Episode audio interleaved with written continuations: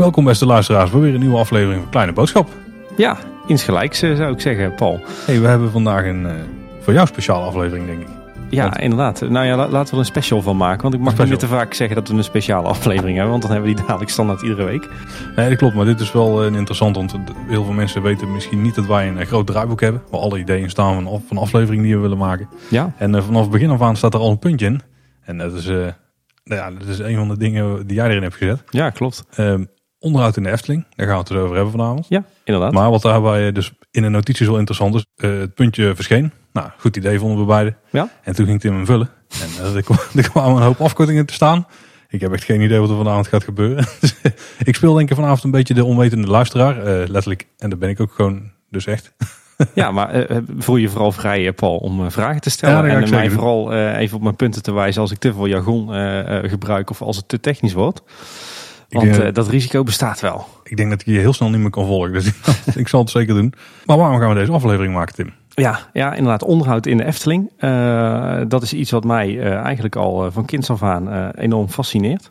Ik denk dat, ik denk dat voor al onze luisteraars en, en zeker ook voor jou geldt, Paul, dat, dat, dat we het leuk vinden om bouw in, een, in pretparken te volgen. Zeker Ja, in de. Efteling. De nieuwbouw van, of, ja, bouw van nieuwe attracties, zeg maar. Eigenlijk in ieder park wel altijd super interessant. Ja, inderdaad. hashtag verticaal gaan, zoals dat wel wat conculega's van ons noemen. Daar, daar, vind ik ook ontzettend interessant altijd. Maar onderhoud vind ik misschien nog wel net even wat, eh, wat, wat interessanter. Waar komt dat dan vandaan? Want ik, daar ben ik dan heel benieuwd naar. Want ik ben de nieuwe dingen zijn altijd mooi. Ik vind het ook mooi als er dingen opknappen in het park. Maar waarom juist onderhoud zo super interessant? Dat is nog wel interessanter dan Ja. nieuwe dingen. Waarom mij dat zo fascineert? Nou, ik heb eigenlijk altijd wel een interesse gehad in, eh, in, in techniek, in, eh, in bouwkunde, in architectuur. Eh, nou, dat, dus dat lijkt me vrij logisch. Ik ben daar ook uiteindelijk werkzaam in geworden hè, in de, de, de wereld van de bouw en de civiele techniek. Met name enerzijds in het projectmanagement. Dus ik heb, ik heb bij een aantal verschillende werkgevers heb ik inmiddels aardig wat projecten tot een goed einde weten te brengen, gelukkig. Maar ik, ik ben daar ook heel veel gaan doen met onderhoud, met vastgoedbeheer, met, eh, met onderhoudsplanningen, dat soort zaken. Dus dat is iets waar ik, eh, waar ik in mijn werk eh, heel veel mee bezig ben geweest. En, en daarom heb ik daar ook wel een soort van voorliefde voor als het gaat om, om pretparken en, en zeker om de Efteling. En bovendien ook om wat me heel erg fascineert is, is hoe zeg maar, wat de Efteling dan zelf noemt, de parel op poetsen. En hoe de Efteling zorgt voor haar erfgoed. En, en waar bouw in zekere zin dan nog eh, minder gecompliceerd is, denk ik, dan onderhoud. Omdat daar start je met eh, zeg maar een wit canvas of een, eh, gewoon een, een bouwplaats en daar bouw je iets op. Moet je met onderhoud moet je echt eh, ehm, ja, zorgvuldig omgaan met, met bestaande gebouwen, bestaande figuren, een bestaande stijl. Eh, en dat moet je dan ook weer zo doen dat, eh, dat, het, dat het snel gaat en eh, dat de bezoekers er geen last van hebben. Dat is allemaal toch veel moeilijker met onderhoud dan, dan gewoon iets neerzetten. Ja, ik denk ook als je kijkt naar hoe bijvoorbeeld de rotsen bij, dat is misschien een extreem voorbeeld. Ja. Maar hoe de rotsen bij Symbolica zijn gemaakt. Dan bouwen ze er eerst een hele stelling. Dan gaan ze daar een beetje rotswerk in lassen, zeg maar. Of in ieder geval het, het grove skelet. Mhm. Maar zolang ze nog niet helemaal klaar zijn, dan blijven alle, ja, al die stellingen blijven gewoon staan. Dan kunnen ze gewoon plaat opleggen en op werken. Maar zodra het helemaal af is, dan kun je die niet zomaar even terugbouwen als je ze een keer weer opnieuw wil schilderen of zo. Nee, nee, inderdaad. Nee, onderhoud en, en zeker grootschalig onderhoud, zullen we het dadelijk wel nog wel over hebben. Mhm. Dat, is, dat is eigenlijk een stuk complexer nog dan, eh, dan, dan bouw. Dus enerzijds zeg maar, vanuit, eh, vanuit de logistiek, van, van hoe, hoe pas je dat nou in en hoe zorg je nou dat, dat mensen daar geen last van hebben. Maar zeker ook vanuit een stukje kwaliteit. Hoe draag je nou zorg voor je, voor je erfgoed, zoals de Efteling het de laatste jaren ook noemt. En dat eh, fascineert mij. Als we kijken naar parken hier in de buurt, of in de buurt noem ik denk een straal van honderden kilometer, Ja. Dan doet de Efteling het wel heel goed qua onderhoud. Eh, ja, inderdaad. Eh, de, de ik denk dat de Efteling daar echt eh, zeker de laatste jaren met kop en schouders boven een heleboel andere parken uitsteekt. Dat als je bijvoorbeeld als je kijkt naar het, niveau van, van het onderhoud, hoe snel er onderhoud wordt gepleegd, hoe weinig verval erop treedt, maar ook hoe weinig overlast er is voor de gast en hoe snel het gaat.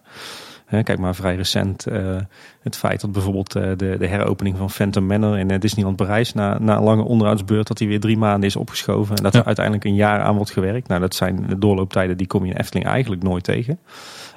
Dus ja, de Efteling steekt qua onderhoud zeker met kop en schouders boven heel veel parken uit. En dat komt met name omdat ze het eigenlijk ja, haast ongewoon professioneel hebben georganiseerd. Oké, nou dan gaan we maar eens beginnen. Ja, Ik denk dat dan de eerste vraag natuurlijk is, wat is onderhoud? Wat valt er precies, precies allemaal onder? ja. Hout.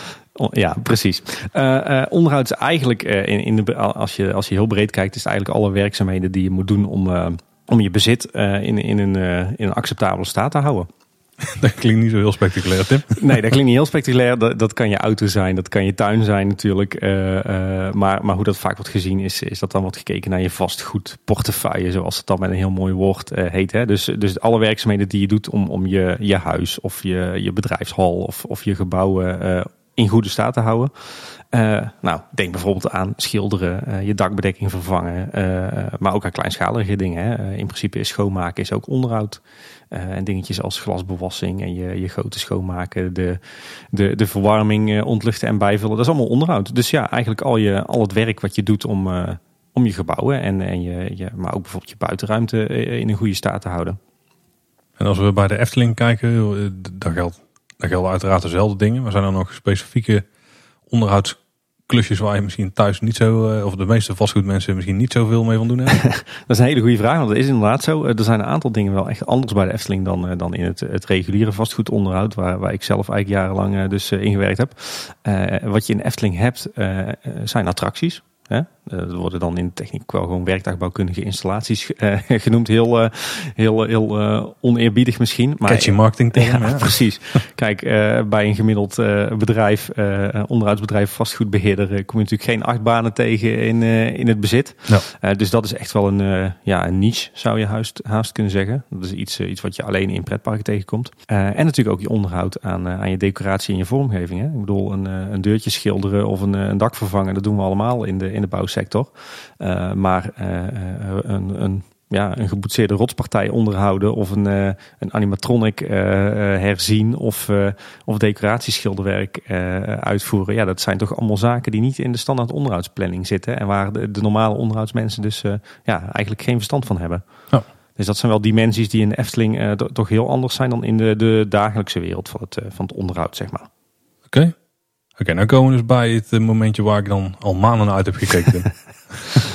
er, zijn, er zijn heel veel verschillende vormen van onderhoud denk ik. Ja? Ik denk dat die allemaal worden aangeduid met eh, bepaalde afkortingen. Ja, dat is allemaal jargon, uh, Paul. maar ik ben er ook wel heel benieuwd waar het dan voor staat. Want blijkbaar zijn er heel veel verschillende soorten onderhoud. Ja, er zijn best wel aardig wat uh, boeken over geschreven. En ik zou er ook best aardig wat uurtjes mee, mee kunnen vullen over de, de verschillende manieren van onderhoud die er zijn. maar eigenlijk in de basis, wat heel belangrijk is, is om te onderscheiden, zijn eigenlijk twee vormen van onderhoud. En dat is correctief onderhoud en preventief onderhoud. Ja, daar kan ik iets mee. Dat, nou ja, wat, wat houdt dat in? Eigenlijk, eigenlijk verklaart het zichzelf al. Hè. Correctief onderhoud is eigenlijk het herstel. Uh, de, dus bijvoorbeeld uh, het repareren van storingen. Uh, of het, het, het, het opnieuw schilderen van, van afgebladderde kozijnen, bij wijze van spreken. dus eigenlijk iedere vorm van reparatie, als het verval al is ingetreden, mm -hmm. dat kun je zien als correctief onderhoud. En preventief onderhoud is daar dan het, het tegenovergestelde van. En dat is dus onderhoud uitvoeren om juist te voorkomen dat je dat je, je bezit, dus je gebouwen of in, in geval van de Efteling ja, je achtbanen of je decoratie uh, in, in een slechte staat vervalt. Mm En dat is, eh, dat is binnen het onderhoud wel een, een heel groot verschil. Uh, en ook in, in onderhoudsstrategieën. Hè. Dus, dus ga je wachten tot iets uh, vervallen is en ga je dan pas onderhoud uitvoeren? Of wil je dat juist voorkomen en, en zorg je dat je er al voor bent? En dat heeft natuurlijk allebei wel zo zijn kosten consequenties. Nou ja, eigenlijk buiten die termen uh, wordt er heel veel met, met allerlei jargon gegooid uh, in, in de onderhoudswereld. Uh, je hebt normaal onderhoud, dagelijks onderhoud, groot ah, onderhoud, klein onderhoud. dit zijn de afkortingen, dames ja, en heren. precies. dat zijn de afkortingen waarmee heel veel wordt gegooid, inderdaad. ook binnen de Efteling natuurlijk, maar zeker ook in de, in de, in de onderhoudssector. maar ja, dat zegt eigenlijk niet zo heel veel. Want wanneer is iets klein onderhoud en wanneer is iets groots onder, groot onderhoud? Uh, en, en je kent, ik ken ook vormen van dagelijks onderhoud die helemaal niet dagelijks worden uitgevoerd. Uh, dus dus dat, zegt, uh, dat zegt eigenlijk weinig. Ik, kijk, bij groot onderhoud kan je nog wel iets voorstellen. Hè? Dat is al echt als iets intensief wordt aangepakt en er gebeurt meer dan alleen wat labwerk. maar ik zeg dat weinig. Die, dat correctief onderhoud en het preventief onderhoud, dat, dat zijn echt termen die je moet onthouden. Mm -hmm. Als je kijkt naar onderhoud, ook in pretparken. Wat misschien wel nog een, een interessante term is, is de term modificatie. Eh, en modificatieonderhoud. Die, die kom je ook nog eens tegen. En dat wil eigenlijk zeggen dat je niet alleen onderhoud pleegt, maar dat je meteen ook veranderingen doorvoert. En uh, dat komt eigenlijk omdat uh, als je SEC kijkt naar onderhoud, dan, dan doe je datgene wat je moet doen om iets in, in, in de, de staat te blijven houden. Dus om het te houden zoals het nu is, of om het terug te brengen in de staat hoe het ooit was, voordat het verval was opgetreden. Op het moment dat je een verbetering aanbrengt of je, je, je, brengt wijzigingen aan, hè, wat je vaak bij de Efteling ziet als ze ergens onderhoud uitvoeren, dan, dan, dan zorgen ze toch net even weer voor een easter egg of voor een geintje of er komen net even andere bordjes te hangen. Dan spreken we over, over een modificatie of modificerend onderhoud. Daar kan ik wel iets mee. Ja. Het, valt allemaal nog wel mee. Ik denk ja, ja, een spectaculaire term aan, maar dit kan ik allemaal volgen. Ja, precies. Ja, en verder heb je natuurlijk in het kader van onderhoud nog, ook nog allerlei andere begrippen. Je, je hebt renovatie, restauratie, revitalisatie, herbestemming. Uh, ja, goed, daar kan je denk ik allemaal wel je, je voorstelling bij maken. Restauratie is echt iets, uh, iets terugbrengen in oude staat. Denk aan, aan een, monument of een kerkgebouw. Uh, maar geldt, geldt ook voor oude sprookjes binnen het park? Um, ik vind dat lastig. Um, want daarbij moet je ervan uitgaan dat, uh, of zou, zou je de conclusie moeten trekken van, joh, de sprookjes in de Efteling of de gebouwen zijn monumenten. Of hebben monumentele waarde. Want het moet een monument zijn om het restauratie ja, te Ja, daar zijn de geleerden het ook niet echt over eens. Uh, alleen um, bij een restauratie zorg je er bijvoorbeeld voor dat zoveel mogelijk van de oorspronkelijke materialen behouden blijven. Um, en zorg je er ook voor dat, dat zoveel mogelijk van de moderne, eh, van de oude technieken behouden blijven. Als je bijvoorbeeld uh, kijkt, uh, een kerk gaat restaureren, iets wat ik een tijdje terug nog heb gedaan. En je kijkt bijvoorbeeld naar het houtwerk van de spits. Dat was in die de kerktoren die ik heb, die ik heb gerestaureerd, was dat voor bijna 80% rot. Dus ik zou al van, nou, hij is die spits er maar af en zet er maar een nieuwe spits op van hout. En dan, dan is het wel goed. Nou ja, dat, toen werd ik dus flink teruggefloten door de, de Rijksdienst voor Cultureel Erfgoed. Want bij een restauratie kap je dan dus alles wat rot is weg en dat vervang je door een, door een Uh, om maar zoveel mogelijk van het oude materiaal te behouden. Uh, dus, uh, en, en in de Efteling wordt dan sneller de keuze gemaakt om iets gewoon te vernieuwen. En om het bijvoorbeeld dan in kunststof uit te voeren. Uh, de, de, dat zie je bijvoorbeeld ook bij de Vermolenmolen. Die is laatst, zegt de Efteling zelf, gerestaureerd. Maar daar is zoveel materiaal vervangen door nieuw, nieuw spul en nieuwe materialen. Daar mag je eigenlijk niet over restauratie spreken. Dus restauratie is echt het, het, het, terugbrengen in, in oude staat met ambachtelijke technieken en de materialen van destijds. De vermolenmolen valt onder revitalisatie? Ja, dat, ja het, is, het, is allemaal, eh, het is allemaal eh, een beetje uh, uh, gedoe over, over hoe noem je iets nou. met de juiste uitleg kun je, er, kun je er die namen aangeven, inderdaad. Maar, maar op zich is bij restauratie wel interessant. Van, wordt er dus echt gerestaureerd in de Efteling? Ik denk zelden. niet. Zelden inderdaad, ja. ja. En dan is de vraag, is dat erg? Hè? De, eh, ik weet dat Walt Disney over, over Disney wel eens zei, uh, it's not a museum. Mhm. Eh, en dat geldt in zekere zin natuurlijk ook voor de Efteling. Het is niet een museum, maar het is wel goed dat de parel opgepoetst blijft. En ja, je kan er dan wat van vinden, of dat dan met originele materialen gebeurt of niet. Ja, ik denk dat het vaak ook een kwestie is van veiligheid en zo. En gewoon nieuwe materialen, nieuwe inzichten. Ja. Waarom zou je het er niet mee doen? Hè? Kijk naar Sneeuwwitje. Er zijn ook moderne technieken gebruikt om het oude resultaat eigenlijk te krijgen. Ja. Zeker geen restauratie. Nee, nee, absoluut. Dus het heeft dan inderdaad voor de, de, de cultuurhistorische waarde is dan, uh, is dan heel beperkt. He, omdat je dus voor veel nieuwe materiaal, nieuwe technieken kiest. Uh, maar dat is denk ik voor een park als Efteling helemaal niet erg. Een vraag tussendoor. Hè? Hoeveel denk je dat bezoekers merken van het resultaat van het onderhoud? Wat ze, wat ze daarvan meekrijgen, zeg maar. Als, als, als je puur kijkt naar onderhoud, dus, dus niet naar modificaties, maar je kijkt puur naar onderhoud, is het, uh, zou het het beste zijn als de bezoeker er helemaal niets van merkt dan voer je onderhoud goed uit. Hè? Want dan zie je dus niet dat er, uh, uh, dat er verval optreedt en, en dat het daarna weer in goede staat wordt, uh, wordt, wordt, wordt teruggebracht. En wat je natuurlijk wel ziet als, als bezoeker van, een, van een pretpark, is als het onderhoud niet goed op orde is. Dus als je echt ziet dat de staat van onderhoud slecht is, afgebladderde verf, roestende constructies, plantsoentjes die er, die er verdord bij staan als alles zeg maar half in elkaar stort, ja, dat zie je. Dus eigenlijk het gebrek aan onderhoud, uh, dat, ik denk dat je dat als bezoeker vrij snel ziet.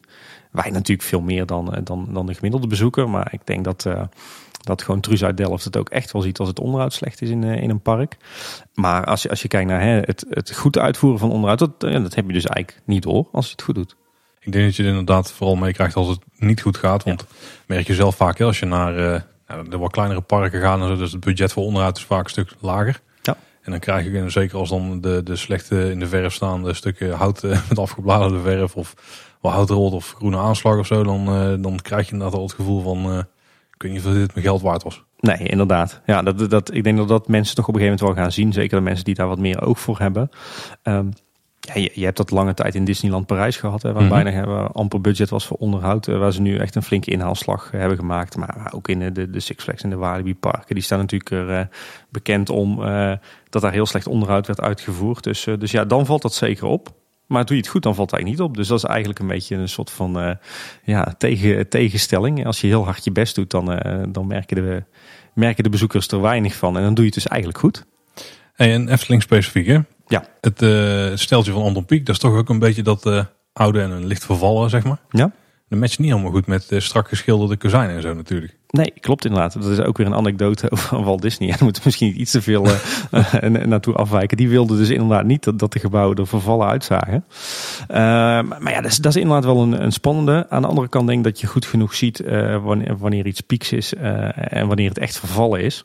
Kijk, een, een gebouwtje wat, wat pieks is met, met doorpiepend metselwerk en, en scheuren en, en, en verf, verkleurde verf. Dat, dat, dat kan nog steeds strak in de lak zitten. En daar kan, hoeft nog steeds het stukwerk niet los van te zitten.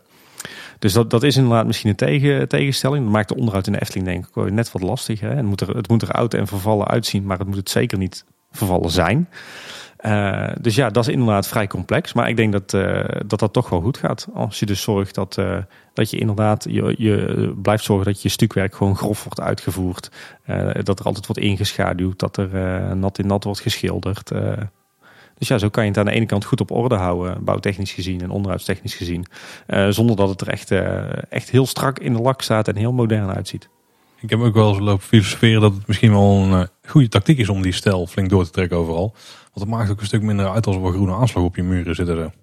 Dat klopt, want eigenlijk de, de plek in de Efteling waar, je, waar, waar voor je gevoel het snelst onderhoud nodig is of verval optreedt, zijn juist vaak die, die hele kleurige, strakke plekken. Hè. Denk bijvoorbeeld aan, aan Polka Marina, uh, om maar een dwarsstraat te noemen.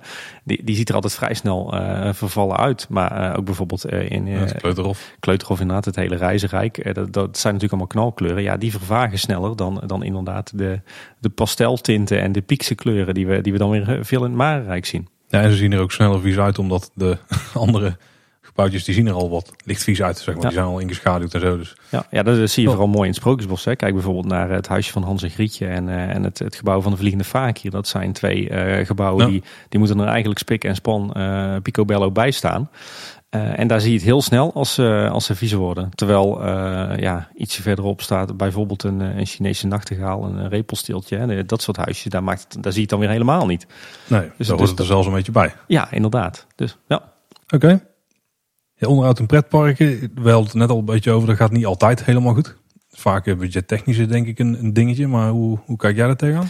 Ja, ik zou hem eigenlijk willen omdraaien. Uh, onderhoud in pretparken gaat denk ik uh, acht van de tien keer niet goed. Uh, ik denk dat het door... Uh, en, En, en bedoel je daarmee dat het dan überhaupt niet gebeurt? Of dat het als het gebeurt, of alle twee misschien, dan als het gebeurt, dat het dan niet goed gaat? Nou, wat je dan vooral merkt is inderdaad dat het, uh, dat het vaak uh, veel te laat gebeurt. Dus dat eigenlijk parken, bijna alle pretparken die ik ken over de wereld die ik heb gezien, zitten heel erg op dat correctieve onderhoud. Mhm. He, dus we wachten tot er verval optreedt, we wachten bij spreken tot het in elkaar valt en dan gaan we eens wat doen aan onderhoud. En dan ben je natuurlijk eigenlijk al veel te laat, want uit, uit heel veel studies op het gebied van onderhoud blijkt dat het uiteindelijk onderaan de streep veel goedkoper is en veel efficiënter als je gewoon tijdig preventief onderhoud uh, uitvoert. Uh, dan dat je wacht tot iets uh, echt in, in een verregaande staat van verval is. Want dan is, zijn die herstelkosten uh, veel hoger. Kijk maar bijvoorbeeld naar de, ja. de kozijnen van je eigen huis. Stel je hebt houten kozijnen. Als je die één keer in de zeven jaar een keer goed verft. En, en, en tussendoor geef je nog een beetje een bijwerkbeurtje. En je zorgt dat je ze ieder jaar een keertje goed wast. En beschadigingen bijwerkt. Dan hoef jij nooit je kozijnen te vervangen. Die blijven altijd goed. Maar wacht jij 10 of 15 jaar, ja, dan, dan, dan is je, je kozijn kat verrot, zoals we dan hier in deze streek zeggen. En dan kan je er gelijk een nieuw kozijn in gaan zetten. Oh, dat was geen vakterm. Nee, kat, kat verrot is geen vakterm vol. Nee, dus, dus, dus dat zie je vaak bij parken, hè, dat ze het vaak veel te ver laten versloffen en dan heel erg op correctief onderhoud gaan zitten. Mhm. Uh, dus dan, dan zijn ze eigenlijk al te laat. Ja, in de algemene zin denk ik dat, dat er in heel veel parken ook veel te weinig aandacht is voor onderhoud. Is ook niet zo gek, uh, om, om meerdere redenen. Uh, onderhoud is echt een ja, een, een, niche zou je bijna uh, kunnen noemen. Hè? Dat is eigenlijk een, soort van sector of een soort van discipline waar ja, eigenlijk in algemene zin al weinig mensen echt bekend mee zijn. Er, is ook niet echt, er zijn ook geen opleidingen in. Ik heb het zelf ook vooral heel erg uit ervaring geleerd door de jaren heen. Dus die mensen zijn al schaars. En als ze er dan zijn, dan zitten ze zeker niet bij pretparken. Omdat ja, bij veel pretparken is het gewoon een ondergeschoven kindje. Dus dan heb je die kennis al niet. Dus, dus die parken hebben geen onderhoudsstrategieën en geen onderhoudsplanningen. Die, die, die doen maar wat, even plat gezegd. Hè. Uh, en het kost natuurlijk vooral veel geld. En, en, en in eerste instantie levert het weinig geld op. Want niemand gaat natuurlijk naar een park omdat die één achtbaan opnieuw geschilderd is. Of omdat uh, dat de kozijnen er zo, zo strak bij staan. Ja. op de lange termijn is het natuurlijk wel zo. Doe je inderdaad weinig aan onderhoud en, en uh, krijg je je park een beetje de naam dat alles vervallen is, dan doet dat natuurlijk wel wat met de algehele gastbeleving. En dan doet dat ook wat met je bezoekerscijfers. Ja, ik kan me Schuttingland Parijs herinneren. Ja. Ja, niet de beste marketing. Nee, absoluut niet. Nee, dat, is, dat heb je dus als je het allemaal veel te lang laat vervallen. En, uh, en zeker als je dan vervolgens, wat ik ook raar vind hoor. Als je dan de besluit, het besluit neemt om in één keer in een hele korte tijd uh, alles te gaan opknappen. Dat is een hele vreemde. Uh, want, want, je kan dat dan veel beter, uh, zowel financieel als zeker ook vanuit gasbeleving en overlast, kan je dat beter, uh, veel beter uitspreiden over een wat langere periode. Ja, klinkt logisch. Ja. In de Efteling, hoe is het daar met onderhoud geregeld? Want er is ooit begonnen met de Sprookjesbos. Maar op een gegeven moment moeten ja. natuurlijk ook dingen gaan vervangen worden, ja. denk ik, of aangepakt. Ja. Klopt inderdaad. Uh, daar gaat deze aflevering immers ook over. Hè? Nou ja, als, als ik even kijk naar, naar onderhoud in de Efteling en dan met name de onderhoudsstrategie. Uh, dan kijk ik even naar de laatste 15 jaar. Dus laten we zeggen vanaf pak een beetje 2001, 2002. -huh. simpelweg omdat dat ik, ja, die tijd ervoor kwam ik ook wel wekelijks in de Efteling. Maar dan, dan ben je toch wat jonger en dan heb je die, die werkervaring nog niet. Dus dan heb je er toch minder oog voor. Maar als ik kijk naar de laatste 15 jaar, dan zie je dat er in Efteling heel erg een verschuiving is geweest van onderhoudsstrategieën. In het begin, eigenlijk in de jaren 2000, um, zag je dat de Efteling ja, heel erg nog op een mix zat. De Efteling lag er op zich toen al voor, voor de pretparksector vrij goed bij, maar, maar zeker niet zo goed als dat we het nu tegenwoordig kennen. En Efteling had daar eigenlijk een mix van correctief onderhoud en preventief onderhoud. Uh, dus wat je zag was dat, dat, dat ja, op veel plekken nog wel een, een bepaalde mate van, van verval intrad. He, niet niet mm -hmm. dat het echt uh, was om de, om de ogen uit je kop te schamen, maar uh, de staat van onderhoud moest wel echt teruglopen voordat men ergens onderhoud pleegde. En tegelijkertijd zag je dan op andere plekken weer dat men onderhoud uitvoerde voordat het echt heel hard nodig was. Dus je merkte dat daar nog niet echt een, een soort van weg in gevonden was. wat er in de jaren wel veel gebeurde waren, waren modificaties. Uh, zeker toen op dat moment op het gebied van veiligheid, veiligheid voor personeel, comfort voor personeel, veiligheid voor bezoekers. Uh, op dat, toen nog tijd werd, werd eigenlijk ook die, die hele wetgeving op een heleboel uh, vlakken, met name Arbo, allemaal veel strenger. Dan moesten risico-inventarisaties worden gemaakt en, en een heleboel plekken of een heleboel attracties in de Efteling moesten veiliger worden. En je zag dat er toen een hele, ja zeg maar eigenlijk een, een reeks aan onderhoud kwam. Waarbij alle attracties en alle plekken in het park werden aangepakt. Uh, waarbij dus onderhoud werd uitgevoerd en meteen ook een heleboel veiligheidsmaatregelen werden doorgevoerd. Denk aan allerhande valbeveiligingen, aan allerhande hekjes, uh, aan allerhande roosters en extra trappen en, en elektrotechnische verbeteringen. Dat is echt zo'n periode geweest, zeg maar, rond ja, zeg maar de jaren 2000. Mm -hmm. De eerste tien jaar van, van, van dit decennium dat het werd doorgevoerd. Maar verder was er voor mijn gevoel nog niet echt een, uh, een hele doordachte onderhoudsstrategie. Daarna, uh, laten we zeggen vanaf uh, pak een beetje 2010, zag je dat er, dat er denk ik in de Efteling op de een of andere manier het besef kwam van joh, dat onderhoud moeten we toch gaan professionaliseren. De jaren daarvoor zag je bijvoorbeeld dat, uh, dat als er afbrokkelend stukwerk was, en dan op een manier dat het niet bedoeld was, dat er ieder jaar weer een stukje werd weggehakt en, en opnieuw werd aangesmeerd en weer werd geschilderd en weer werd ingeschaduwd. Ja, is dat dan de weg? Uh, dat is natuurlijk wel heel kostenefficiënt. En dat, uh, daardoor zijn je projecten ook, uh, ook, ook niet al te omvangrijk. Maar, maar ja, je blijft bezig en, en je pakt niet het onderliggende probleem aan. En, en zo vanaf 2010, 11, 12, een beetje zo die periode, zeg maar een beetje met de tijdperk Bart de Boer, is er echt een flinke professionaliseringsslag gemaakt. Uh, en toen zijn ze het echt grootschalig aan gaan pakken. Wat, uh, wat dan af en toe als groot, groot onderhoud wordt, uh, wordt genoemd.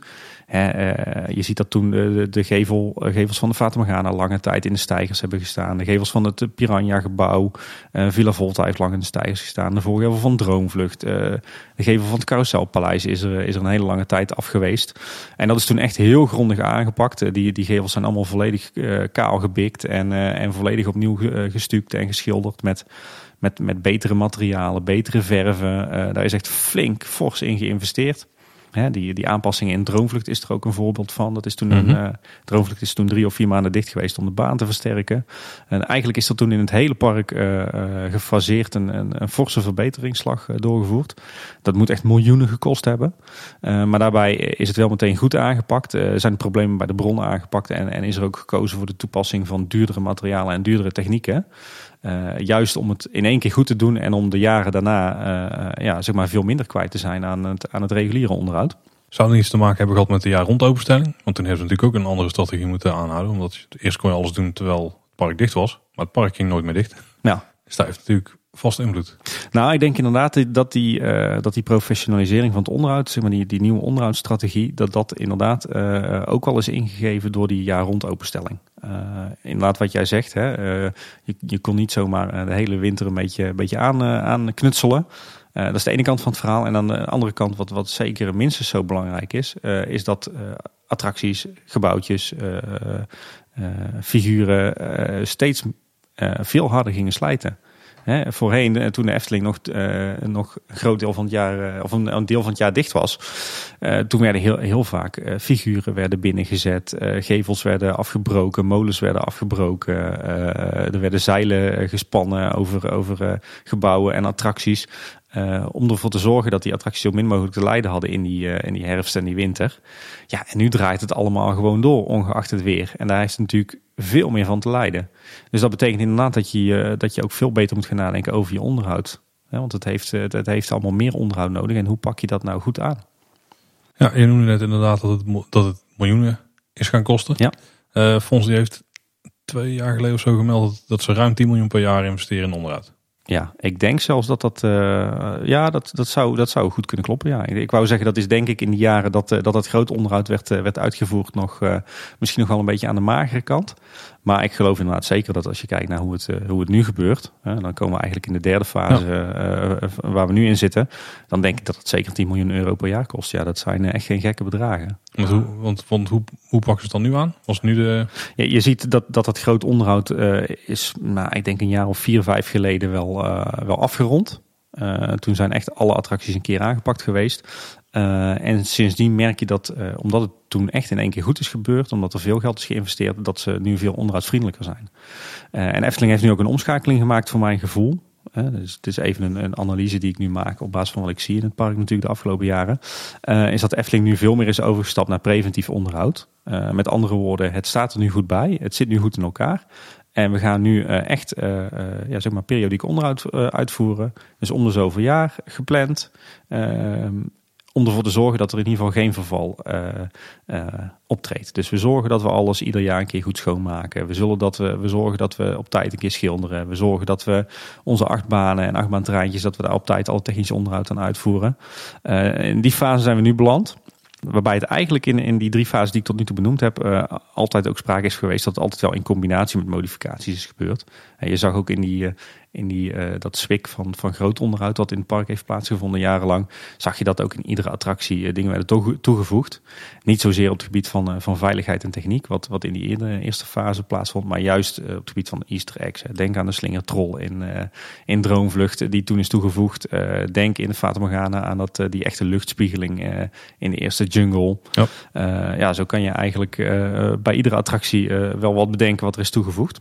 En je ziet nu dat dat, omdat het onderhoud in, het, in het huidige tijdperk eigenlijk veel geplander gaat en veel, veel minder ingrijpend meer hoeft plaats te vinden, dat het ook wat is afgenomen. Maar je, je ziet dat er nog steeds eigenlijk bij iedere onderhoudsbeurt wel, wel kleine verbeteringen en worden doorgevoerd en leuke geintjes worden uitgehaald. Ja, want we hebben de laatste jaren in het Sprookjesbos natuurlijk gezien dat daar nog steeds wel veel groot onderhoud is geweest. Ja, absoluut. Gewoon letterlijk dingen afgebroken en weer helemaal opnieuw opgebouwd. Ja, ja dat, dat Sprookjesbos is eigenlijk ook niet echt meegenomen in die, die, die eerste reeks groot onderhoud. Dat heb je goed opgemerkt, eh, Paul. Daar, daar is vandaag weinig aan gebeurd. En ja, je ziet nu inderdaad in, in het klein zo'nzelfde grote onderhoudsbeurt in het Sprookjesbos. Roodkapje uh, is natuurlijk helemaal herbouwd. Uh, Hanse Grietje heeft groot onderhoud gehad. De grot van Sneeuwwitje, de Vaak hier. Uh, best een aardig aantal. Uh, Indische waterlelies ook, ook een tijdje terug. best een aantal sprookjes die inderdaad fors zijn aangepakt. Ja. ja. Volgens mij hebben we al een paar keer aangehaald dat de Efteling het best goed doet. Ja. het onderhoud. Ja. Maar hoe doen ze het dan echt anders of beter dan andere parken? Ja, er zijn even los van dat, dat de Efteling het, het professioneler is. Hè, daar, zal ik dadelijk nog wel wat, wat over zeggen. Er zijn er denk ik een paar belangrijke verschillen. Ik denk een grootste, groot verschil uh, tussen de Efteling en, uh, en zeker ook parken die het wel goed voor elkaar hebben, zoals Disney, is dat de Efteling absoluut sneller is met zijn onderhoudsklussen. De Efteling voert tegenwoordig dus een onderhoud natuurlijk uit uh, tijdens parkopenstelling. Dat moet wel, want het park gaat nooit dicht. Uh, maar wat je ziet is dat ze echt goed kijken naar de planning van die projecten. Het is uh, bijna nooit in het hoogseizoen. Het is altijd buiten, buiten juli en augustus om. En je ziet dat er, dat er zelden of nooit attracties langer dan anderhalve maand sluiten. En als je ziet wat er in die tijd gebeurt. Um, goed, Droomvlucht is op een gegeven moment even drie maanden dicht geweest. Maar dat was omdat de baan mhm. van, van het hele Zompenwoud vervangen moest worden. Nou, dat zijn natuurlijk enorm ingrijpende klussen. Maar als je ziet dat een gemiddelde grote onderhoudsbeurt bij bijvoorbeeld Disneyland Parijs ruim een jaar duurt. Dan is de Efteling op, op alle fronten sneller. Ja, het zijn wel gigantische attracties daar natuurlijk. En volgens mij voegen ze daar over het algemeen wel meer nieuwe dingen toe. Maar nog steeds inderdaad, als je het als je het vergelijken, dan, dan zijn ze toch wel sneller bij de Eftelingen. En ik denk als je ziet dat, uh, dat, dat bij Disney het groot onderhoud een, uh, gemiddeld genomen meer dan een jaar duurt en de Efteling het dan tot drie maanden probeert te beperken. En dat, dat een gemiddelde onderhoudsbeurt voor een Efteling attractie uh, anderhalve maand duurt. en bij Disney denk ik dan eerder aan een half jaar. Dan denk ik dat de Efteling toch een stuk sneller is. Ja. En dat, uh, dat komt natuurlijk vooral omdat ze dat, uh, ja, sowieso is de, is de Nederlandse bouwsector is, is heel goed georganiseerd, is van hoog niveau. maar zeker ook bij de Efteling is het allemaal professioneel georganiseerd en daardoor kunnen zij die projecten veel sneller aanpakken. En hoe doet de Efteling het werk met eigen mensen en huren ze externen? Want ik zie regelmatig vooral schilderwerk en zo, ze hebben volgens mij heel veel eigen mensen voor. Of in ieder geval een aantal, want ik zie vaak dezelfde mensen. Maar hoe zit dat in het algemeen, weet je nog? Ja, dat, dat, dat wisselt heel erg. Daar is de, de afgelopen uh, 10, 20 jaar heel erg een golfbeweging in geweest. Uh, dus iedere keer is dat, uh, heb je een periode dat er vooral heel veel met eigen mensen wordt gewerkt. En dan weer een periode heel veel met externe bedrijven. En dan weer veel met eigen mensen. En die golfbeweging komt er eigenlijk vandaan. Vanuit uh, eigen managementgedachte van, nou ja, als we het uitbesteden dan is het goedkoper.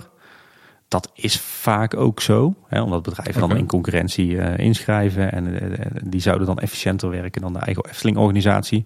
Alleen wat je vervolgens ziet is dat uh, het, het kwaliteitsniveau soms lager is, maar zeker ook het, het, het begrip van de, de Eftelingse waarde. Hè. Hoe, hoe, hoe, voer je nou werk uit midden in een, een, park wat in bedrijf is? Hoe doe je dat nou met, met respect richting de bezoeker? Uh, hoe ga je nou om met bepaalde details? Ja, dat, dat is iets wat, uh, wat, wat eigen diensten van de Efteling natuurlijk veel beter weten dan externe bedrijven. Dus er is heel lang een wisselbeweging geweest tussen het, het moet goedkoper, dus extern. Uh, en, en we gaan toch weer voor kwaliteit, dus meer intern. En je ziet dat ze daar nu ook wel een, iedere keer een, een betere afweging in maken. Hoor. Ik heb nu de indruk dat de werkzaamheden die, uh, die heel generiek zijn. Dus die bij wijze van spreken ook in de wereld buiten de Efteling plaats kunnen vinden. Dat ze daar steeds meer uh, externe bedrijven voor, uh, voor inhuren. Dus bijvoorbeeld voor reinigingswerk, voor, voor simpele schilderwerken, voor bouwkundige werkzaamheden, een dak vervangen, glas vervangen, noem maar op. alles wat, wat een gewone aannemer ook kan. En dat juist specifieke dingen, dus je, je attractieonderhoud, je, je, je decoratiewerk, je schilderwerk, je vormgeefwerk, dat ze dat in eigen huis doen. Oké. Maar wat de Efteling ook goed doet, is dat zij die uh, tegenwoordig zeker ook uh, een goede afweging maken van hoe pakken we dit nou aan, en dat onderhoud. En dan met name de, de, hoe verhoudt zich dat dan met onze exploitatie. Dat is iets, daar heb ik eigenlijk nooit bij stilgestaan. Ik kan me ook voorstellen dat dat nieuw is voor veel van onze luisteraars. maar je hebt natuurlijk heel veel manieren waarop je om kan gaan met het spanningsveld. Dus enerzijds moet er onderhoud worden uitgevoerd en anderzijds hebben we ook nog te maken met een, ja, een exploitatie die door moet, want zo verdienen ons geld. Denk bijvoorbeeld aan een, een Albert Heijn die dicht moet of een Ikea die, eh, die gaat verbouwen. Uh, daar, heb je, daar heb je een aantal oplossingen voor. Je kan er bijvoorbeeld voor kiezen om heel kort dicht te gaan uh, en heel hard te werken, korte pijn. Je kan er ook voor kiezen om het, je onderhoud heel erg te faseren. Je kan ervoor kiezen om bijvoorbeeld tijdelijke huisvesting neer te zetten. je kan er ook voor zorgen dat je het zo doet dat, dat de tent gewoon open blijft. En dat zijn allemaal methodes. Ik, toevallig ben ik daarop afgestudeerd een, een, aantal jaar geleden. En heb toen ook een, een kijkje in de keuken gehad van bijvoorbeeld een IKEA, maar ook een aantal dierentuinen een aantal pretparken. En, en je ziet dat, uh, dat heel veel parken nog echt de, de methode hebben van oké, we moeten onderhoud uitvoeren, doe de boel maar dicht en we zien wel hoe lang het duurt. Dat is een beetje het gevoel wat ik bijvoorbeeld bij een Disney krijg. En je ziet dat de Efteling dat, dat veel slimmer doet. En die kijken echt van, joh, uh, is het nu noodzakelijk dat, dat de attractie daadwerkelijk dicht gaat? Zo ja, laten we dat dan zo kort mogelijk houden. Uh, en zo nee, uh, kijken we of dat we bijvoorbeeld al kleinschalige werkzaamheden vooraf of erna kunnen doen terwijl de attractie gewoon open is. Of stel dat er bijvoorbeeld onderhoud wordt uitgevoerd aan restaurants, wordt er ook wel eens een tijdelijk restaurant neergezet of tijdelijke voorzieningen. dat zijn allemaal dingen waar de Efteling, wat Efteling gewoon goed in de vingers heeft. Die afweging van oké, hoe maken we nou die overlast voor onze bezoekers zo klein mogelijk? Hoe zorgen we nou dat de inkomstenderving beperkt blijft. En dat, dat is echt, uh, dat, dat is iets, uh, die afweging is iets waar eigenlijk alleen partijen als bijvoorbeeld een Albert Heijn of een, een Ikea of een Central Parks uh, mee bezig zijn. Maar de Efteling dus ook. En dat is echt iets waar ze, waar ze in voorop lopen, denk ik. Ja, vaak als er onderhoud is, dan zie je ook zo'n mooi bord staan. Arbeid is nodig om de oude pracht te behouden voor het nageslacht. Hey, dat doe je, doe je mooi uit je hoofd, Paul. Ja, bijna. of ze zijn ook wel heel duidelijk hè, als er iets gebeurt. En ze proberen mensen ook goed te informeren erover. Ja, ja, dat is inderdaad ook iets wat waar in de Efteling, wat de Efteling uh, anders doet dan parken. En misschien ook wel uitblinkt boven andere parken. Um, en dat is dat de Efteling uh, eigenlijk dat die omslag uh, al heeft gemaakt. Van joh, onderhoud, dat vonden we vroeger allemaal iets vervelends ja, in de Efteling, maar, maar ook in algemene zin. Onderhoud is vervelend, daar hebben mensen last van. Dat moeten we doodzwijgen, daar moeten we het niet over hebben. Dat moeten we zoveel mogelijk verstoppen.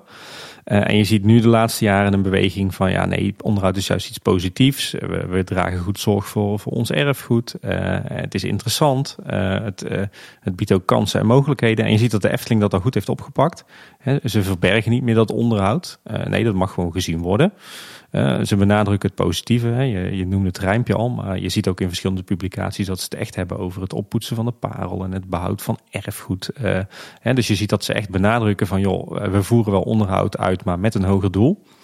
En Efteling is ook heel erg open in zijn communicatie. Hè. Je, je ziet er vaak wat over op social media. Eh, er verschijnen hele eh, YouTube-filmpjes eh, over. Niet alleen over bouwwerkzaamheden, maar zelfs over onderhoud. Dus in de wonder lees je er heel veel over.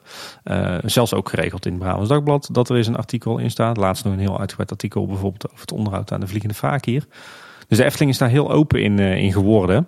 Uh, en daar zijn ze ook uh, uh, veel anders in dan andere parken, waarin het soms al een heikel punt is om te communiceren over de bouw van nieuwe attracties. Laat staan over onderhoud. Maar ik denk dat de Efteling dat heel goed doet. Onderhoud is een, noodzakelijk iets. En zeker nu je, nu je 365 dagen per jaar open bent, is dat ook iets wat je niet, niet kunt verbergen. Het moet gewoon en het doet even pijn, maar, maar het heeft een hoger doel. En daar kan je dan maar beter iets leuks van maken. Dus ik denk dat de Efteling daarin ook echt voorop loopt. Hey, hoe denk je dat ze bij de Efteling bepalen welke attracties of welke zaken onderhoud nodig hebben. Want het kan natuurlijk ook gewoon een gebouw zijn. Misschien dingen die je zelfs niet ziet. Die backstage zijn. dat is een goede vraag. Maar wel eentje met een heel lang antwoord. Ik weet niet of dat erg is. Dat is uh, jou op het live geschreven. Dank je wel hè. Uh, ja, de, dan, dan gaan, duiken we inderdaad wat dieper de materie in. Uh, hoe doet de Efteling nou haar onderhoud? van tevoren misschien even een disclaimer. ik heb natuurlijk een aantal jaar bij de Efteling gewerkt. dat is geen geheim, daar hebben we het al een paar keer over gehad. maar het is ook zo dat ik uit, uit een stukje respect voor de Efteling ook, ook geen blik achter de schermen ga gunnen. Dus datgene wat ik, wat ik je kan vertellen over hoe onderhoud in de Efteling plaatsvindt, dat, dat heb ik uit, uit openbare bronnen. En wat ik al zei, er zijn wel eens artikelen over verschenen in de Wonder en in de krant. Uh, maar, maar, wat grappig genoeg een hele leuke bron is voor informatie over hoe dat onderuit in de Efteling plaatsvindt, zijn, uh, zijn vacatures. als ik, uh, ik, ik, ik, hou de vacatures bij de Efteling wel eens in de gaten. en, en wat je dan ziet is dat als er technische vacatures zijn, dat daar eerst een hele uitgebreide inleiding staat over op welke afdeling je komt te werken, wat voor mensen daar werken, wat het doel is, met welke andere ah. afdeling je samenwerkt. en als je dat nou een paar jaar volgt, dan heb je eigenlijk een heel mooi beeld van hoe de Efteling werkt. Oké, ja. Tip voor de, tips voor de luisteraars. Hè? Die ja, kunnen mooi zelf bij Ja, inderdaad. Nee, uh, hoe werkt dat? Um, hoe, laten we dan vooral even focussen op hoe het tegenwoordig werkt. Uh, en, en de techniek die de Efteling gebruikt, uh, als ik het goed heb geïnterpreteerd, is, is iets wat, wat met een mooi woord asset management heet. En asset staat dan eigenlijk voor ja, je waardevolle bezit. even, even heel dingen. Plat, uh, dingen, ja. Uh, dus, dus, hoe ga je om met je bezit? Um, en waar de Efteling voor kiest is eigenlijk het, het werken met, met meerjaren onderhoudsplanningen. MEOP, zoals het dan zo mooi heet. Oh. En, en hebben we weer een afkorting, Paul? Jij zegt het. Ja, precies. Misschien moet ook een verklarende woordenlijst aan het eind van de, wel, ja. in de show notes zetten. Nee, waar, wat houdt dat in? Dat betekent dat, dat op een bepaald moment alle uh, objecten in het park in kaart zijn gebracht. Uh, dat zijn alle gebouwen, alle attracties, alle installaties, uh, wellicht ook het groen, het water, eigenlijk alles wat tastbaar is, is in kaart gebracht van joh, wat hebben we nou? waar bestaat dat nou uit? Wat zijn daar de onderdelen van? Hè? Een, een dak, gevels, metselwerk, schilderwerk, glas, hout, kozijnen, nou, noem maar op. En eh, dat is vervolgens in kaart gebracht voor al die, uh, voor al die objecten. Uh, en vervolgens is, dat dan weer uit, is daar dan weer van bepaald van hoeveel hebben we dan? Hoeveel vierkante meter metselwerk? Hoeveel vierkante meter schilderwerk? Hoeveel kozijnen? Hoeveel strekkende meter elektrakabel bij wijze van spreken? Hoeveel speakers? Hoeveel spots? echt op dat niveau. Dat is een enorm monnikenwerk moet dat zijn geweest lijkt mij. En daar is dan vervolgens weer van bepaald wat heeft het dan voor onderhoud nodig? Dus wat voor onderhoud, eh, wat is daar dan de frequentie van en wat kost dat dan? dat is natuurlijk een, een giga-operatie om dat Nou. op te zetten. Dat heeft eh, denk ik bij de Efteling ook jaren geduurd. Eh, en, en daar komt natuurlijk een enorme database uit. Want het, het, het resultaat is dan eigenlijk een tabel met ja, zeg maar het onderhoud uitgezet over bijvoorbeeld de komende 25, 30, 40 jaar. En dan zie je inderdaad per object, per gebouwtje, per attractie, zie je wat er dus aan onderhoud nodig is, hoe vaak, wat het kost en, en, en in welke jaren dat het plaatsvindt. Nou, uit, zo'n, uit die meer onderhoudsplanningen, kan, daar kan je dan van alles mee doen. Hè? Je, je kan die allemaal onder elkaar eh, leggen en dan zie je wat je onderhoud eh, kost per jaar. Of wat het onderhoud van een attractie over een x aantal jaar eh, kost. Je kan er ook uithalen van, joh, wat gaan we volgend jaar doen? En dan kan je vervolgens ook weer zien van, nou, welk onderhoud kunnen we handig combineren? Of wat, wat, is, wat is strijdig met elkaar? En vervolgens kan je dat ook weer gaan herijken van, joh, voor volgend jaar staat op de planning de baan van de Python schilderen. Is dat al wel nodig? Hè? Of eh, het, het dak van Carnaval Festival hoeft eigenlijk pas over tien jaar vervangen te worden volgens de planning. Maar het ziet er zo slecht uit, zouden we dat niet nu doen? En als we het dan doen, zullen we dan ook niet gelijk de gevels aanpakken? Ik roem aan de dwarsstraat. Dus, dus, dus de Efteling ge- gebruikt een, een systematiek van, van meerjaren onderhoudsplanningen om dus eh, enerzijds in kaart te brengen van wat is nou die staat en anderzijds wat moeten we voor onderhoud uitvoeren om het op een goed niveau te, eh, te houden. En dat is een levend document. Want eh, er komen natuurlijk altijd attracties bij. Er gaan attracties, attracties af. Dat geldt zeker ook voor, voor, voor kleinere objecten in het park. Eh, je, je bent ieder jaar, als het goed is hoor, als je het goed georganiseerd hebt, ben je ieder jaar aan het bijstellen. Van wat is nou, is de staat toch niet slechter dan we dachten of toch niet beter? Kunnen we nou toch het onderhoud niet slimmer eh, aanpassen? De, de kosten die, die veranderen natuurlijk in de loop der tijd. Dus een levend document. Dus dat, dat geef je zeg maar een soort van stip op de horizon. Van joh, hoeveel zijn we nou de komende jaren iedere keer kwijt aan onderhoud? Eh, je, je kan eruit destilleren van wat moeten we nou dit jaar gaan doen. En vervolgens met die informatie ga je clusteren. Ga je zeggen van nou die attractie eh, pakken we dit jaar grootschalig aan. Die volgend jaar. eh, eh, wat doen we in het voorjaar? Wat doen we in het najaar? Dat zijn eh, conclusies die je daar dan aan verbindt. Ja, als ik door het park loop, dan zie ik wel eens mensen staan met zo'n notitiebordje. En dan staan ze heel moeilijk te kijken naar allemaal zaken en zo. En heel veel dingen op te schrijven. Ja. Dat zijn denk ik dan dus de mensen die kijken hoe de staat van een, eh, van een object erbij ligt. Ja, dat, dat vermoed ik wel. Het kunnen natuurlijk ook andere techneuten zijn die bijvoorbeeld bezig zijn met het, het voorbereiden van een project. Maar, maar Mhm. in de basis inderdaad zijn dat, zijn dat mensen die, die inderdaad inspecteren en die kijken van eh, wa- wat is de staat en, eh, en, en wat moeten we daarmee. Ja, dat, eh, daar, daar moet je wel aan denken inderdaad. Want hoe zouden ze dan beslissingen nemen over welke dingen in onderhoud gaan? Want ik kan me voorstellen dat ze niet te veel dingen geclusterd willen hebben. Dat ze niet Nee. te veel objecten bij elkaar willen hebben die in één keer dan allemaal in onderhoud gaan. Want dan is, krijg je een beetje een doodhoekje in het park, zeg maar. Ja. Maar misschien is het wel nodig soms. Of zouden ze dan daarbij kijken van we hebben drie objecten, er moet iets aan gebeuren. Maar die ene die kan net wel langer wel blijven. Of die kan nog wel even wachten. Ja. Dus dan doen we die niet. Zou dat op die manier gaan? Ja, dat is, dat is, een, dat is een hele complexe afweging, eh, eh, weet ik. Ehm, of kan ik me ook zo voorstellen. Eh daar spelen een aantal zaken een rol in. Hè. Die, die onderhoudsplanning is, is je basisuitgangspunt. Vervolgens ga je natuurlijk kijken van wat kost dat nou. Hè. Ik bedoel, als, als je in één jaar een piek hebt aan kosten en het volgende jaar heb je bijna geen kosten, dan ga je dat natuurlijk spreiden. Ehm, je, gaat je gaat natuurlijk kijken naar de staat. Hè. Kunnen we iets nog, kunnen we ergens nog een jaar mee wachten of niet? Ehm, en is dat dan verstandig? Hè? Zeker als je ziet dat Efteling de laatste jaren veel meer preventief onderhoud pleegt, dan, dan moet je daar ook niet te lang mee wachten. Ehm, wat ook een rol speelt, is natuurlijk de beschikbaarheid van attracties. Hè? Hoe, hoe vaak ligt een, heeft een attractie de afgelopen tijden in storing eh, eh, gelegen? Daar verzamelt de Efteling ook eh, cijfers van. En op het moment dat, dat een attractie te vaak in storing ligt, dan betekent dat dat er ook sneller onderhoud wordt uitgevoerd.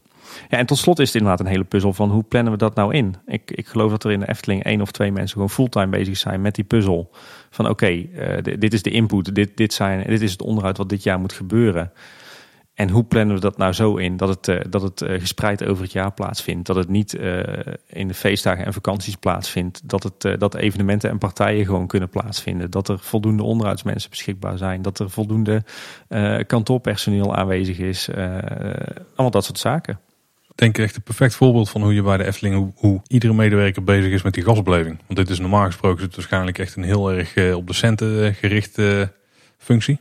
Maar hier ben je ook de hele tijd bezig met hoe kunnen we zo inplannen dat de gasbeleving er niet aangaat. Ja, absoluut. Dat is natuurlijk zeker sinds het moment dat de winter Efteling eh, werd geïntroduceerd. En, en absoluut sinds die, die, die eh, jaar rond openstelling. Kijk, een van de grote afbreukrisico's daarvan was eh, eh, ja, eh, of we stoppen met onderhoud uitvoeren. Hè, want we willen want dat, dat, eh, dat mensen zo min mogelijk onderhoud eh, of overlast ervan hebben. Mhm. Ja, dat is gelukkig niet gebeurd, eh, die keuze. Eh, maar goed, geef ze de kost niet eh, bedrijven die, die, die daar wel voor kiezen.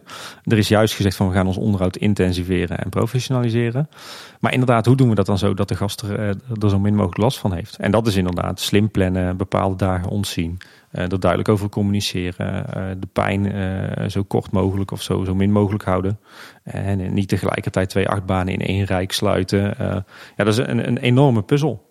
Ja, onderhoud vergt waarschijnlijk kennis van meerdere specialismen. Ja. Maar is er dan bij de Efteling één afdeling verantwoordelijk voor? Of pakken ze juist van meerdere plekken mensen weg die de kennis hebben die nodig is om een bepaald onderhoud te plegen. Hoe, hoe gaat dat? Ja, dat is, dat is ook denk ik een interessant verhaal. Uh, nou maakt het wel lastig dat de Efteling momenteel midden in een, uh, in een grote reorganisatie zit. Uh, waardoor mijn kennis waarschijnlijk lichtelijk verouderd is. Nee, hoe het, hoe het tot voor kort was, was had je de, de grote afdeling techniek en projecten. en die bestond eigenlijk uit vier afdelingen. je had de afdeling projecten, ja, dat is logisch. Die, eh, die draaide de, de, zeg maar het projectmanagement. Uh, je had de afdeling uh, engineering. Zeg maar de, niet, niet zozeer de, de ontwerpers, maar wel de, de bouwkundig tekenaars, de technisch tekenaars, zeg maar de, de techneuten. Je had de afdeling uitvoering. zeg maar de mensen die, die je ziet in het park. Hè, de schilders, de, de hoveniers, de, de, de decorateurs, de vormgevers, de timmermannen, et. En je had de, de afdeling planning en even moet ik het even goed zeggen, wat was dat? Uh, planning en beheer of, of onderhoud en planning. Nou ja, goed, volgens mij planning en beheer. En dat is eigenlijk, zou je ook kunnen zeggen, de afdeling onderhoud. En met name zij zijn of waren het, het allerbelangrijkste. Dat is een afdeling van, geloof ik, als ik de vacatures goed las, een mannetje en een vrouwtje van tussen de 15 en de 20 mensen. En dat, dat eh, forse team, wat echt enorm is voor, uh, voor de pretparkenwereld uh, en, en eigenlijk ook voor de, de hele wereld daarbuiten. Uh, dat team is dus bezig met, met, met ja, dat, die hele complexe puzzel. Dus in kaart brengen wat er is, wat voor onderhoud het nodig heeft. dat dan, daar dan vervolgens keuzes in maken, dat plannen. En dat dan ook, dat dan ook voorbereiden. Want het is zo dat um, dat zeg maar uh, het, het, simpele onderhoud, dus het terugkerende onderhoud, uh, waarbij er verder geen aanpassingen worden doorgevoerd. Dus, dus denk aan gewoon het, het standaard technisch onderhoud aan attracties, aan, aan installaties, het, uh, het schilderwerk, het bouwkundige onderhoud. Dat, dat besteedt die afdeling vervolgens, bereidt het zelf voor en besteedt het zelf uit. En de grotere onderhoudsklussen, waarbij er ook echt aanpassingen worden doorgevoerd, die worden vervolgens aan, door projecten, de afdeling projecten aangestuurd. Daarnaast, naast die, die, die vier afdelingen waarvan planning en beheer dus zeg maar de hoofdrol heeft in onderhoud, zijn er dan ook nog allerlei andere afdelingen betrokken binnen de organisatie. Denk aan uh, Imagineering, wat uh, tegenwoordig natuurlijk anders heet. Die, uh, die hebben ook altijd een, een adviserende rol. En daar wordt ook vaak aan gevraagd van, joh, heb je nog mensen? bij spreken. Mm -hmm. maar ook de, de afdeling Veiligheid, dat is een aparte afdeling. Die, die valt onder, onder de directie. die, die speelt natuurlijk een belangrijke rol. Um, en er is ook nog zoiets als een facilitaire dienst die, die het kleinschalige onderhoud doen. Maar dat is een beetje, ja, dat is behoorlijk professioneel. Ik denk dat er heel veel vastgoedbedrijven uh, jaloers zijn op, op de clubmensen die de Efteling heeft zitten. En dat ze er zoveel budget voor kunnen uittrekken. ja, absoluut. Want ja, 10 miljoen, uh, dat is fors. Zeker als je kijkt naar de begroting van de Efteling. en je vergelijkt het met andere parken. Ja. Voor, voor 10 miljoen kan je ook een leuke attractie wegzetten ieder jaar. Ja. Maar ik, ik denk dat het een, een, hele, een hele slimme, terechte keuze is. En dat we echt trots mogen zijn op onze Efteling. Dat ze daadwerkelijk zoveel geld ervoor uittrekken. Er zijn, er zijn dus nu heel veel mensen mee bezig. Maar hoe was dat vroeger? Want je, je vertelde dat het eerst dat ze een andere tactiek hadden, zeg maar. Ja. Dat, was natuurlijk vroeger was het, was het allemaal uh, uh, wat dat betreft uh, veel, veel simpeler en veel minder professioneel. En, en werd het natuurlijk eigenlijk, ja, hoe moet ik het zeggen, door een, een, een handjevol personen, bij wijze van spreken twee, drie personen die, die keken is naar wat voor onderhoud is er nodig. En, en nou, als iets er slecht bij staat, dan gaan we daar maar aan werken. Ja. Maar de, de, er is al veel veranderd hoor, in, in, in, door de jaren heen. Kijk, de, wat natuurlijk heel veel, heel veel invloed had, was die, die winteropenstelling en de jaar rond openstelling. Want voor die tijd was het zo dat, dat op het moment dat het park dichtging, uh, werd er heel veel personeel de WW ingestuurd. Hè? Mm maar het personeel wat overbleef, de, de echte vaste medewerkers, die voor zover ze geen kantoorfunctie hebben, kwamen die terecht in een soort winterploeg. En dat waren zeg maar de, de, de handjes. En, en die uh, braken attracties tijdelijk af en bouwden ze aan het eind van de, van de winter weer op. Die zorgden ervoor dat, dat de vijvers werden schoongemaakt, dat de gevels werden schoongespoten. dus, dus die namen al veel ja, werk uit handen bij de techneuten. Uh, nou ja, dat, dat kan natuurlijk niet meer. Die wintersluiting heb je niet meer. En, en die, die mensen die, die heb je nu ook gewoon in het park nodig. Dus die, zo'n winterploeg bestaat niet meer. En wat, wat ook veranderd is, is dat, dat draaimolens en zweefmolens, maar ook gevels, uh, niet meer de hele winter binnen staan. Die kunnen niet worden, afge, niet worden afgebroken. Dus die, die slijten veel, veel harder natuurlijk. Uh, heeft als consequentie dat je nu dus altijd je onderhoud tijdens de openstelling moet doen. Dat je dus die onderhoudsplanning moet maken. Maar ook dat, dat attracties en decors veel sneller slijten. Dat, dat zie je bijvoorbeeld aan, aan de houten gevels van, van het Carouselpaleis. Dat zie je aan, aan de draaimolens die, die allemaal veel sneller slijten. maar denk bijvoorbeeld ook aan Monsieur Cannibal. Monsieur Cannibal is natuurlijk overkapt. Juist omdat hij te veel te lijden had van bijvoorbeeld sneeuw en, en kou en regen in de winter. Dus ja, die, die, die hele jaar rond openstelling die had, die had enorm veel, veel invloed. Nou ja, een ander fenomeen wat ik nog ken uit mijn tijd is, uh, is, is het eerste lijnsonderhoud, werd dat genoemd. En dat was eigenlijk het simpele onderhoud. Dus denk aan uh, het schoonmaakwerk, uh, kleine klusjes, lampjes draaien. Dat, dat werd voorheen werd dat een beetje door de, door de seizoensmedewerkers, zeg maar door de medewerkers in het park uitgevoerd. Uh, en dat, ik moet zeggen dat dat eigenlijk de, uh, de leukste klussen waren om te doen. En je ziet dat nu er echt, nu dat hele onderhoud is geprofessionaliseerd en nu, nu er echt is vastgesteld van iedere attractie gaat een keer dicht in, in een jaar. en, en dan voeren we in één keer al het onderhoud uit. En zie je dat dat het eerste lijnsonderhoud ook ver is teruggelopen. In de zin dat het, dat het niet meer tijdens, tijdens de openstelling van een attractie gebeurt door het gewone attractiepersoneel. Maar dat het veel meer wordt geclusterd tijdens die, die korte onderhoudsperiodes of lange onderhoudsperiodes. En dat dan meteen wordt meegenomen. Ja, door de pro's. Door de pro's, maar, maar eh, voor sommige werkzaamheden worden ook gewoon parkmedewerkers ingezet. Eh, denk bijvoorbeeld bij de, uh, aan, aan de schoonmaakklussen. Hè. Denk aan het, het schoonmaken van vijvers of het schoonspuiten van gevels. Ja. Als zo'n attractie dicht is, heb je toch minder personeel nodig uh, voor, de, voor de operatie, voor de exploitatie. En die kan je dan daarvoor, daarvoor inzetten. Een ander leuk voorbeeld is bijvoorbeeld het, het implanten van de, de nieuwe tulpen bij de Vliegende Vaakje. Dat gebeurde ook gewoon door, door parkpersoneel. Oh, oké. Dus uh, dat is ook zeker, uh, zeker veranderd. En je, je ziet daarom vaak attracties, als er niet heel veel nodig is, gewoon maar een weekje sluiten. Of vijf, vijf dagen eigenlijk, vijf werkdagen. En in die periode van vijf dagen gebeurt dan het onderhoud. Wat, wat voorheen eigenlijk een beetje zo door het jaar heen een beetje hapsnap werd uitgevoerd. Denk inderdaad aan vijvertjes schoon spuiten, schoonmaakwerk, een likje verf, een lampje vervangen, een keertje de poetsdoeken overal overheen. Dat gebeurt nu vaak gewoon in die, die periode van vijf dagen. Hey, afgelopen jaar hebben we een uh, paar dagen met flink veel wind gehad. Echt ja. een storm en zo. Mm -hmm. Toen zijn er ook, dan vliegen er ook wel eens wat dakpannetjes weg of er uh, gaan wapperen wel vlaggen kapot en zo. Ja. In hoeverre zou er een noodbudget aanwezig zijn? Dus is er altijd rekening mee gehouden of is dat dan verzekeringswerk? Dat is gewoon verzekeringswerk, ja. En de Efteling heeft natuurlijk financieel voldoende uh, reserve om dat voor te schieten. Ja, oké. Okay, okay. Ik weet wel dat er, dat er in Efteling, eh, als er ergens schade ontstaat, dat er dan eerst inderdaad netjes een schaderapportje wordt gemaakt uh, van de schade is ontstaan voordat het werkelijk wordt, uh, wordt, wordt gerepareerd. Omdat je natuurlijk altijd moet kunnen aantonen wat er gebeurd is. Ja. ja. ja. En dit jaar is er een reorganisatie bij de Efteling. Daar hebben we het al in een nieuwsaflevering over gehad. Ja. hoe heeft dit invloed op het onderhoud? Ja, dat vind ik lastig om, om heel veel uh, zinvols over te zeggen. Want ja, zoals gezegd, ik, ik, ik baseer me gewoon op, uh, op openbare bronnen. Dus in die zin weet ik er net zoveel van als jij, Paul.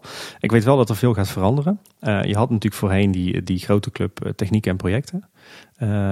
en die is, wat ik nu heb gelezen, is die, zijn ze die aan het opsplitsen.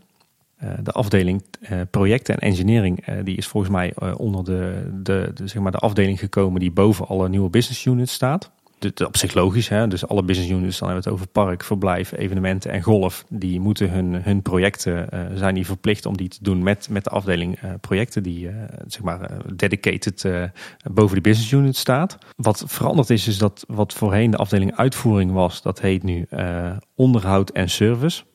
Wat een hele bijzondere term is. Mm -hmm. En het, het rare daaraan is eigenlijk dat die, dat die onder de business unit park is komen vallen. Dus, dus zeg maar alle, alle uitvoeringsmensen uh, en, en wellicht het, het, het, kantoorpersoneel wat, wat het voorbereidt, denk aan werkvoorbereiders, die, die vallen nu onder de business unit park.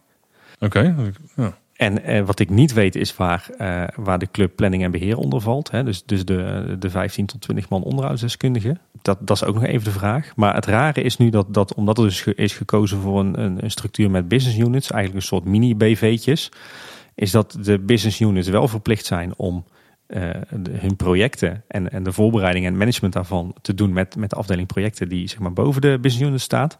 Maar dat, uh, dat voorheen de afdeling uitvoering nu dus onder het park valt.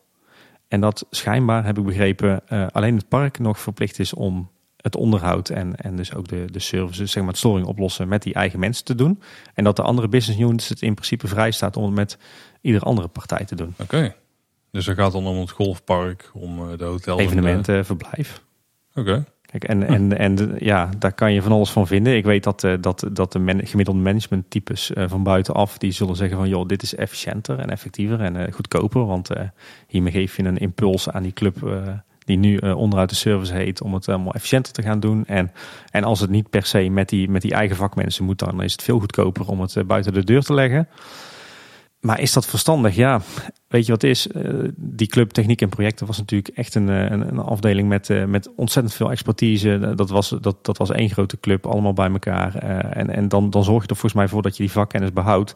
En als je het nu gaat opknippen en je, en je gaat mensen bewust laten concurreren met externe partijen ja, dan, uh, dan vraag ik mij af of dat, dat nou de kwaliteit en de kennis en kunde ten goede komt. Ik zie dan veel liever een, een grote club die bij wijze van spreken nog uh, ook samengaat met, met, met een partij als uh, Imagineering. Hè? Dus echt zoals dat je echt een soort mega Imagineering krijgt, een soort van mega specialistische afdeling die, die al het onderhoud en creativiteit en techniek doet. Dan, dan de huidige keuze. En ik ben vooral ook heel erg benieuwd hoe dat nou zit met die afdeling planning en beheer. Hè, die eigenlijk ja, die helikopterview heeft over wat moeten wij nou doen om uh, de algehele staat van de wereld van de Efteling goed te houden. Ik hoop van ganser harte dat hij inderdaad ook op uh, boven die business unit staat en dat hij dat die de hele wereld van de Efteling uh, onder zich heeft. Maar de naam van de nieuwe afdeling die onder de business unit park valt, namelijk onderhoud en beheer, die doet ook wel vermoeden dat dat Onderhoud en service. Of onderhoud en service, ja, je hebt gelijk. Scherp. Die doet vermoeden dat dat misschien ook wel onder het park valt. En dat zou natuurlijk raar zijn, want, die, want wie besluit dan over het onderhoud van bijvoorbeeld Bosrijk of het Loonse Land? Ja, en juist daar heb je ook specialistische mensen nodig, omdat het toch redelijk gethematiseerd is. Absoluut. Dat absoluut, dus ook decoratief. Uh, ja, en ook die afstemming. Ja. Hm. Dus dat, dat vind ik een interessante. Daar weet ik nog te weinig van. Dus uh, als er de komende tijd meer vacatures komen daar, dan, uh, dan ja, steken we misschien daar ook weer meer van op. Maar dat, uh, dat is wel een, een, een, interessante ontwikkeling. En ja, ach, dat, zulke soort reorganisaties, dat wordt vaak na een aantal jaar toch weer teruggedraaid. Of anders wordt er over tien jaar weer gereorganiseerd. Even afwachten hoe dit dus gaat lopen. Ja. je was verder wel heel positief over de Efteling en het onderhoud wat ze doen. Maar gaat het ook wel eens mis? Of om niet ja, alleen de, de kleine boodschap positief goed weer uh, Nee, anders krijgen we weer het verwijt dat we alleen maar Hosanna... Uh, nee, inderdaad. Ik, kijk, ik denk dat de Efteling, uh, wat ik al zei, samenvattend ontzettend professioneel is. En het, en het heel goed aanpakt en die afweging ook goed doet. Gaat het ook wel eens mis? Ja, tuurlijk gaat het ook wel eens mis op, op details. een, een heel bekend voorbeeld is denk ik Baby Gijsje. Uh, die heeft heel lang achter het lavelaar gestaan op zijn oude plek. Die is toen verdwenen en uh, die zou onderhoud krijgen. En die is toen, uh, voordat hij opnieuw geschilderd werd, hebben ze die volgens mij proberen te stralen. Uh, alleen die kunststof die was uh, zo oud dat ze toen het hele beeld kapot hebben gestraald. en dat, dat verhaal kwam toen ook aan de oppervlakte. En daar werd toen volop uh, schande van gesproken in de hele liefhebberscommunity. en het duurde toen ook heel lang voordat Baby Gijs terugkwam. We hebben heel lang hebben toen gedacht van nou die, die is voor altijd, voor eens en altijd verdwenen. uiteindelijk is, is de, de oude baby Gijs inderdaad in zijn kapotgespoten staat opgedoken in het Efteling Museum. En is er een, eh, een heel nieuwe baby Gijsje uh, geboetseerd. En die is uiteindelijk in de speeltuin uh, kindervreugd beland. Dus dat, dat is goed afgelopen. Maar, maar denk bijvoorbeeld ook aan de bordjes van het gemak. Die, die op een gegeven moment opnieuw beschilderd zijn. En die er in instantie uitzagen als een kleurplaat van een van een zesjarige.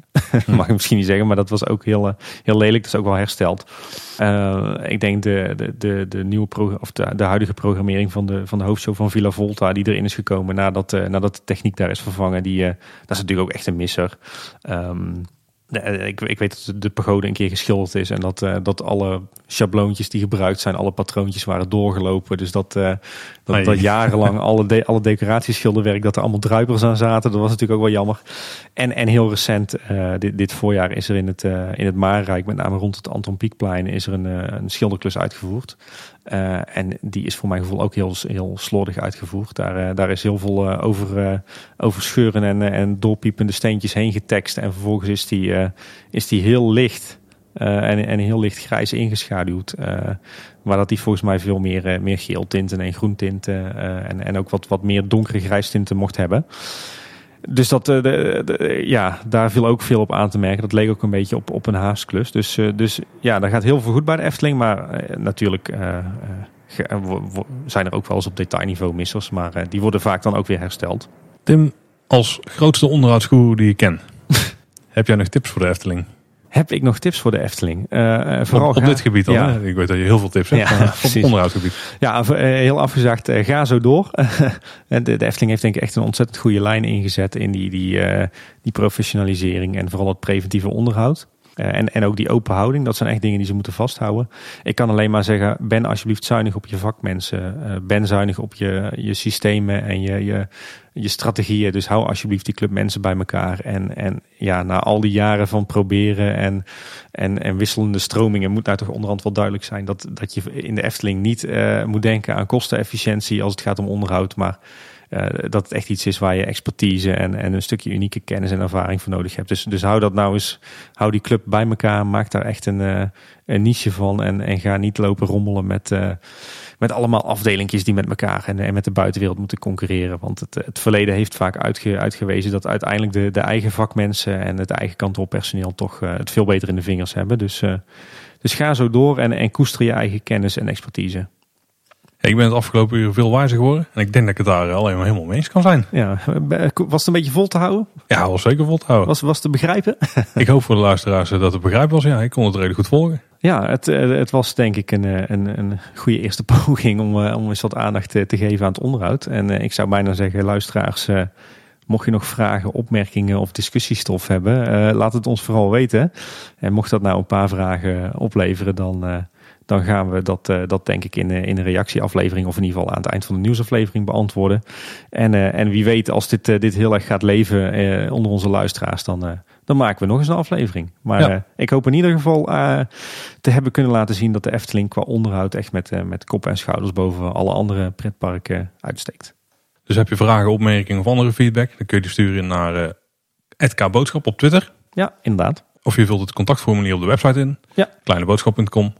Precies. Um, en wat we ook altijd kunnen waarderen is als je ben, uh, bij Apple Podcasts een review kan achterlaten of een sterrenrating kan geven. Dan kunnen meer mensen ons makkelijker vinden.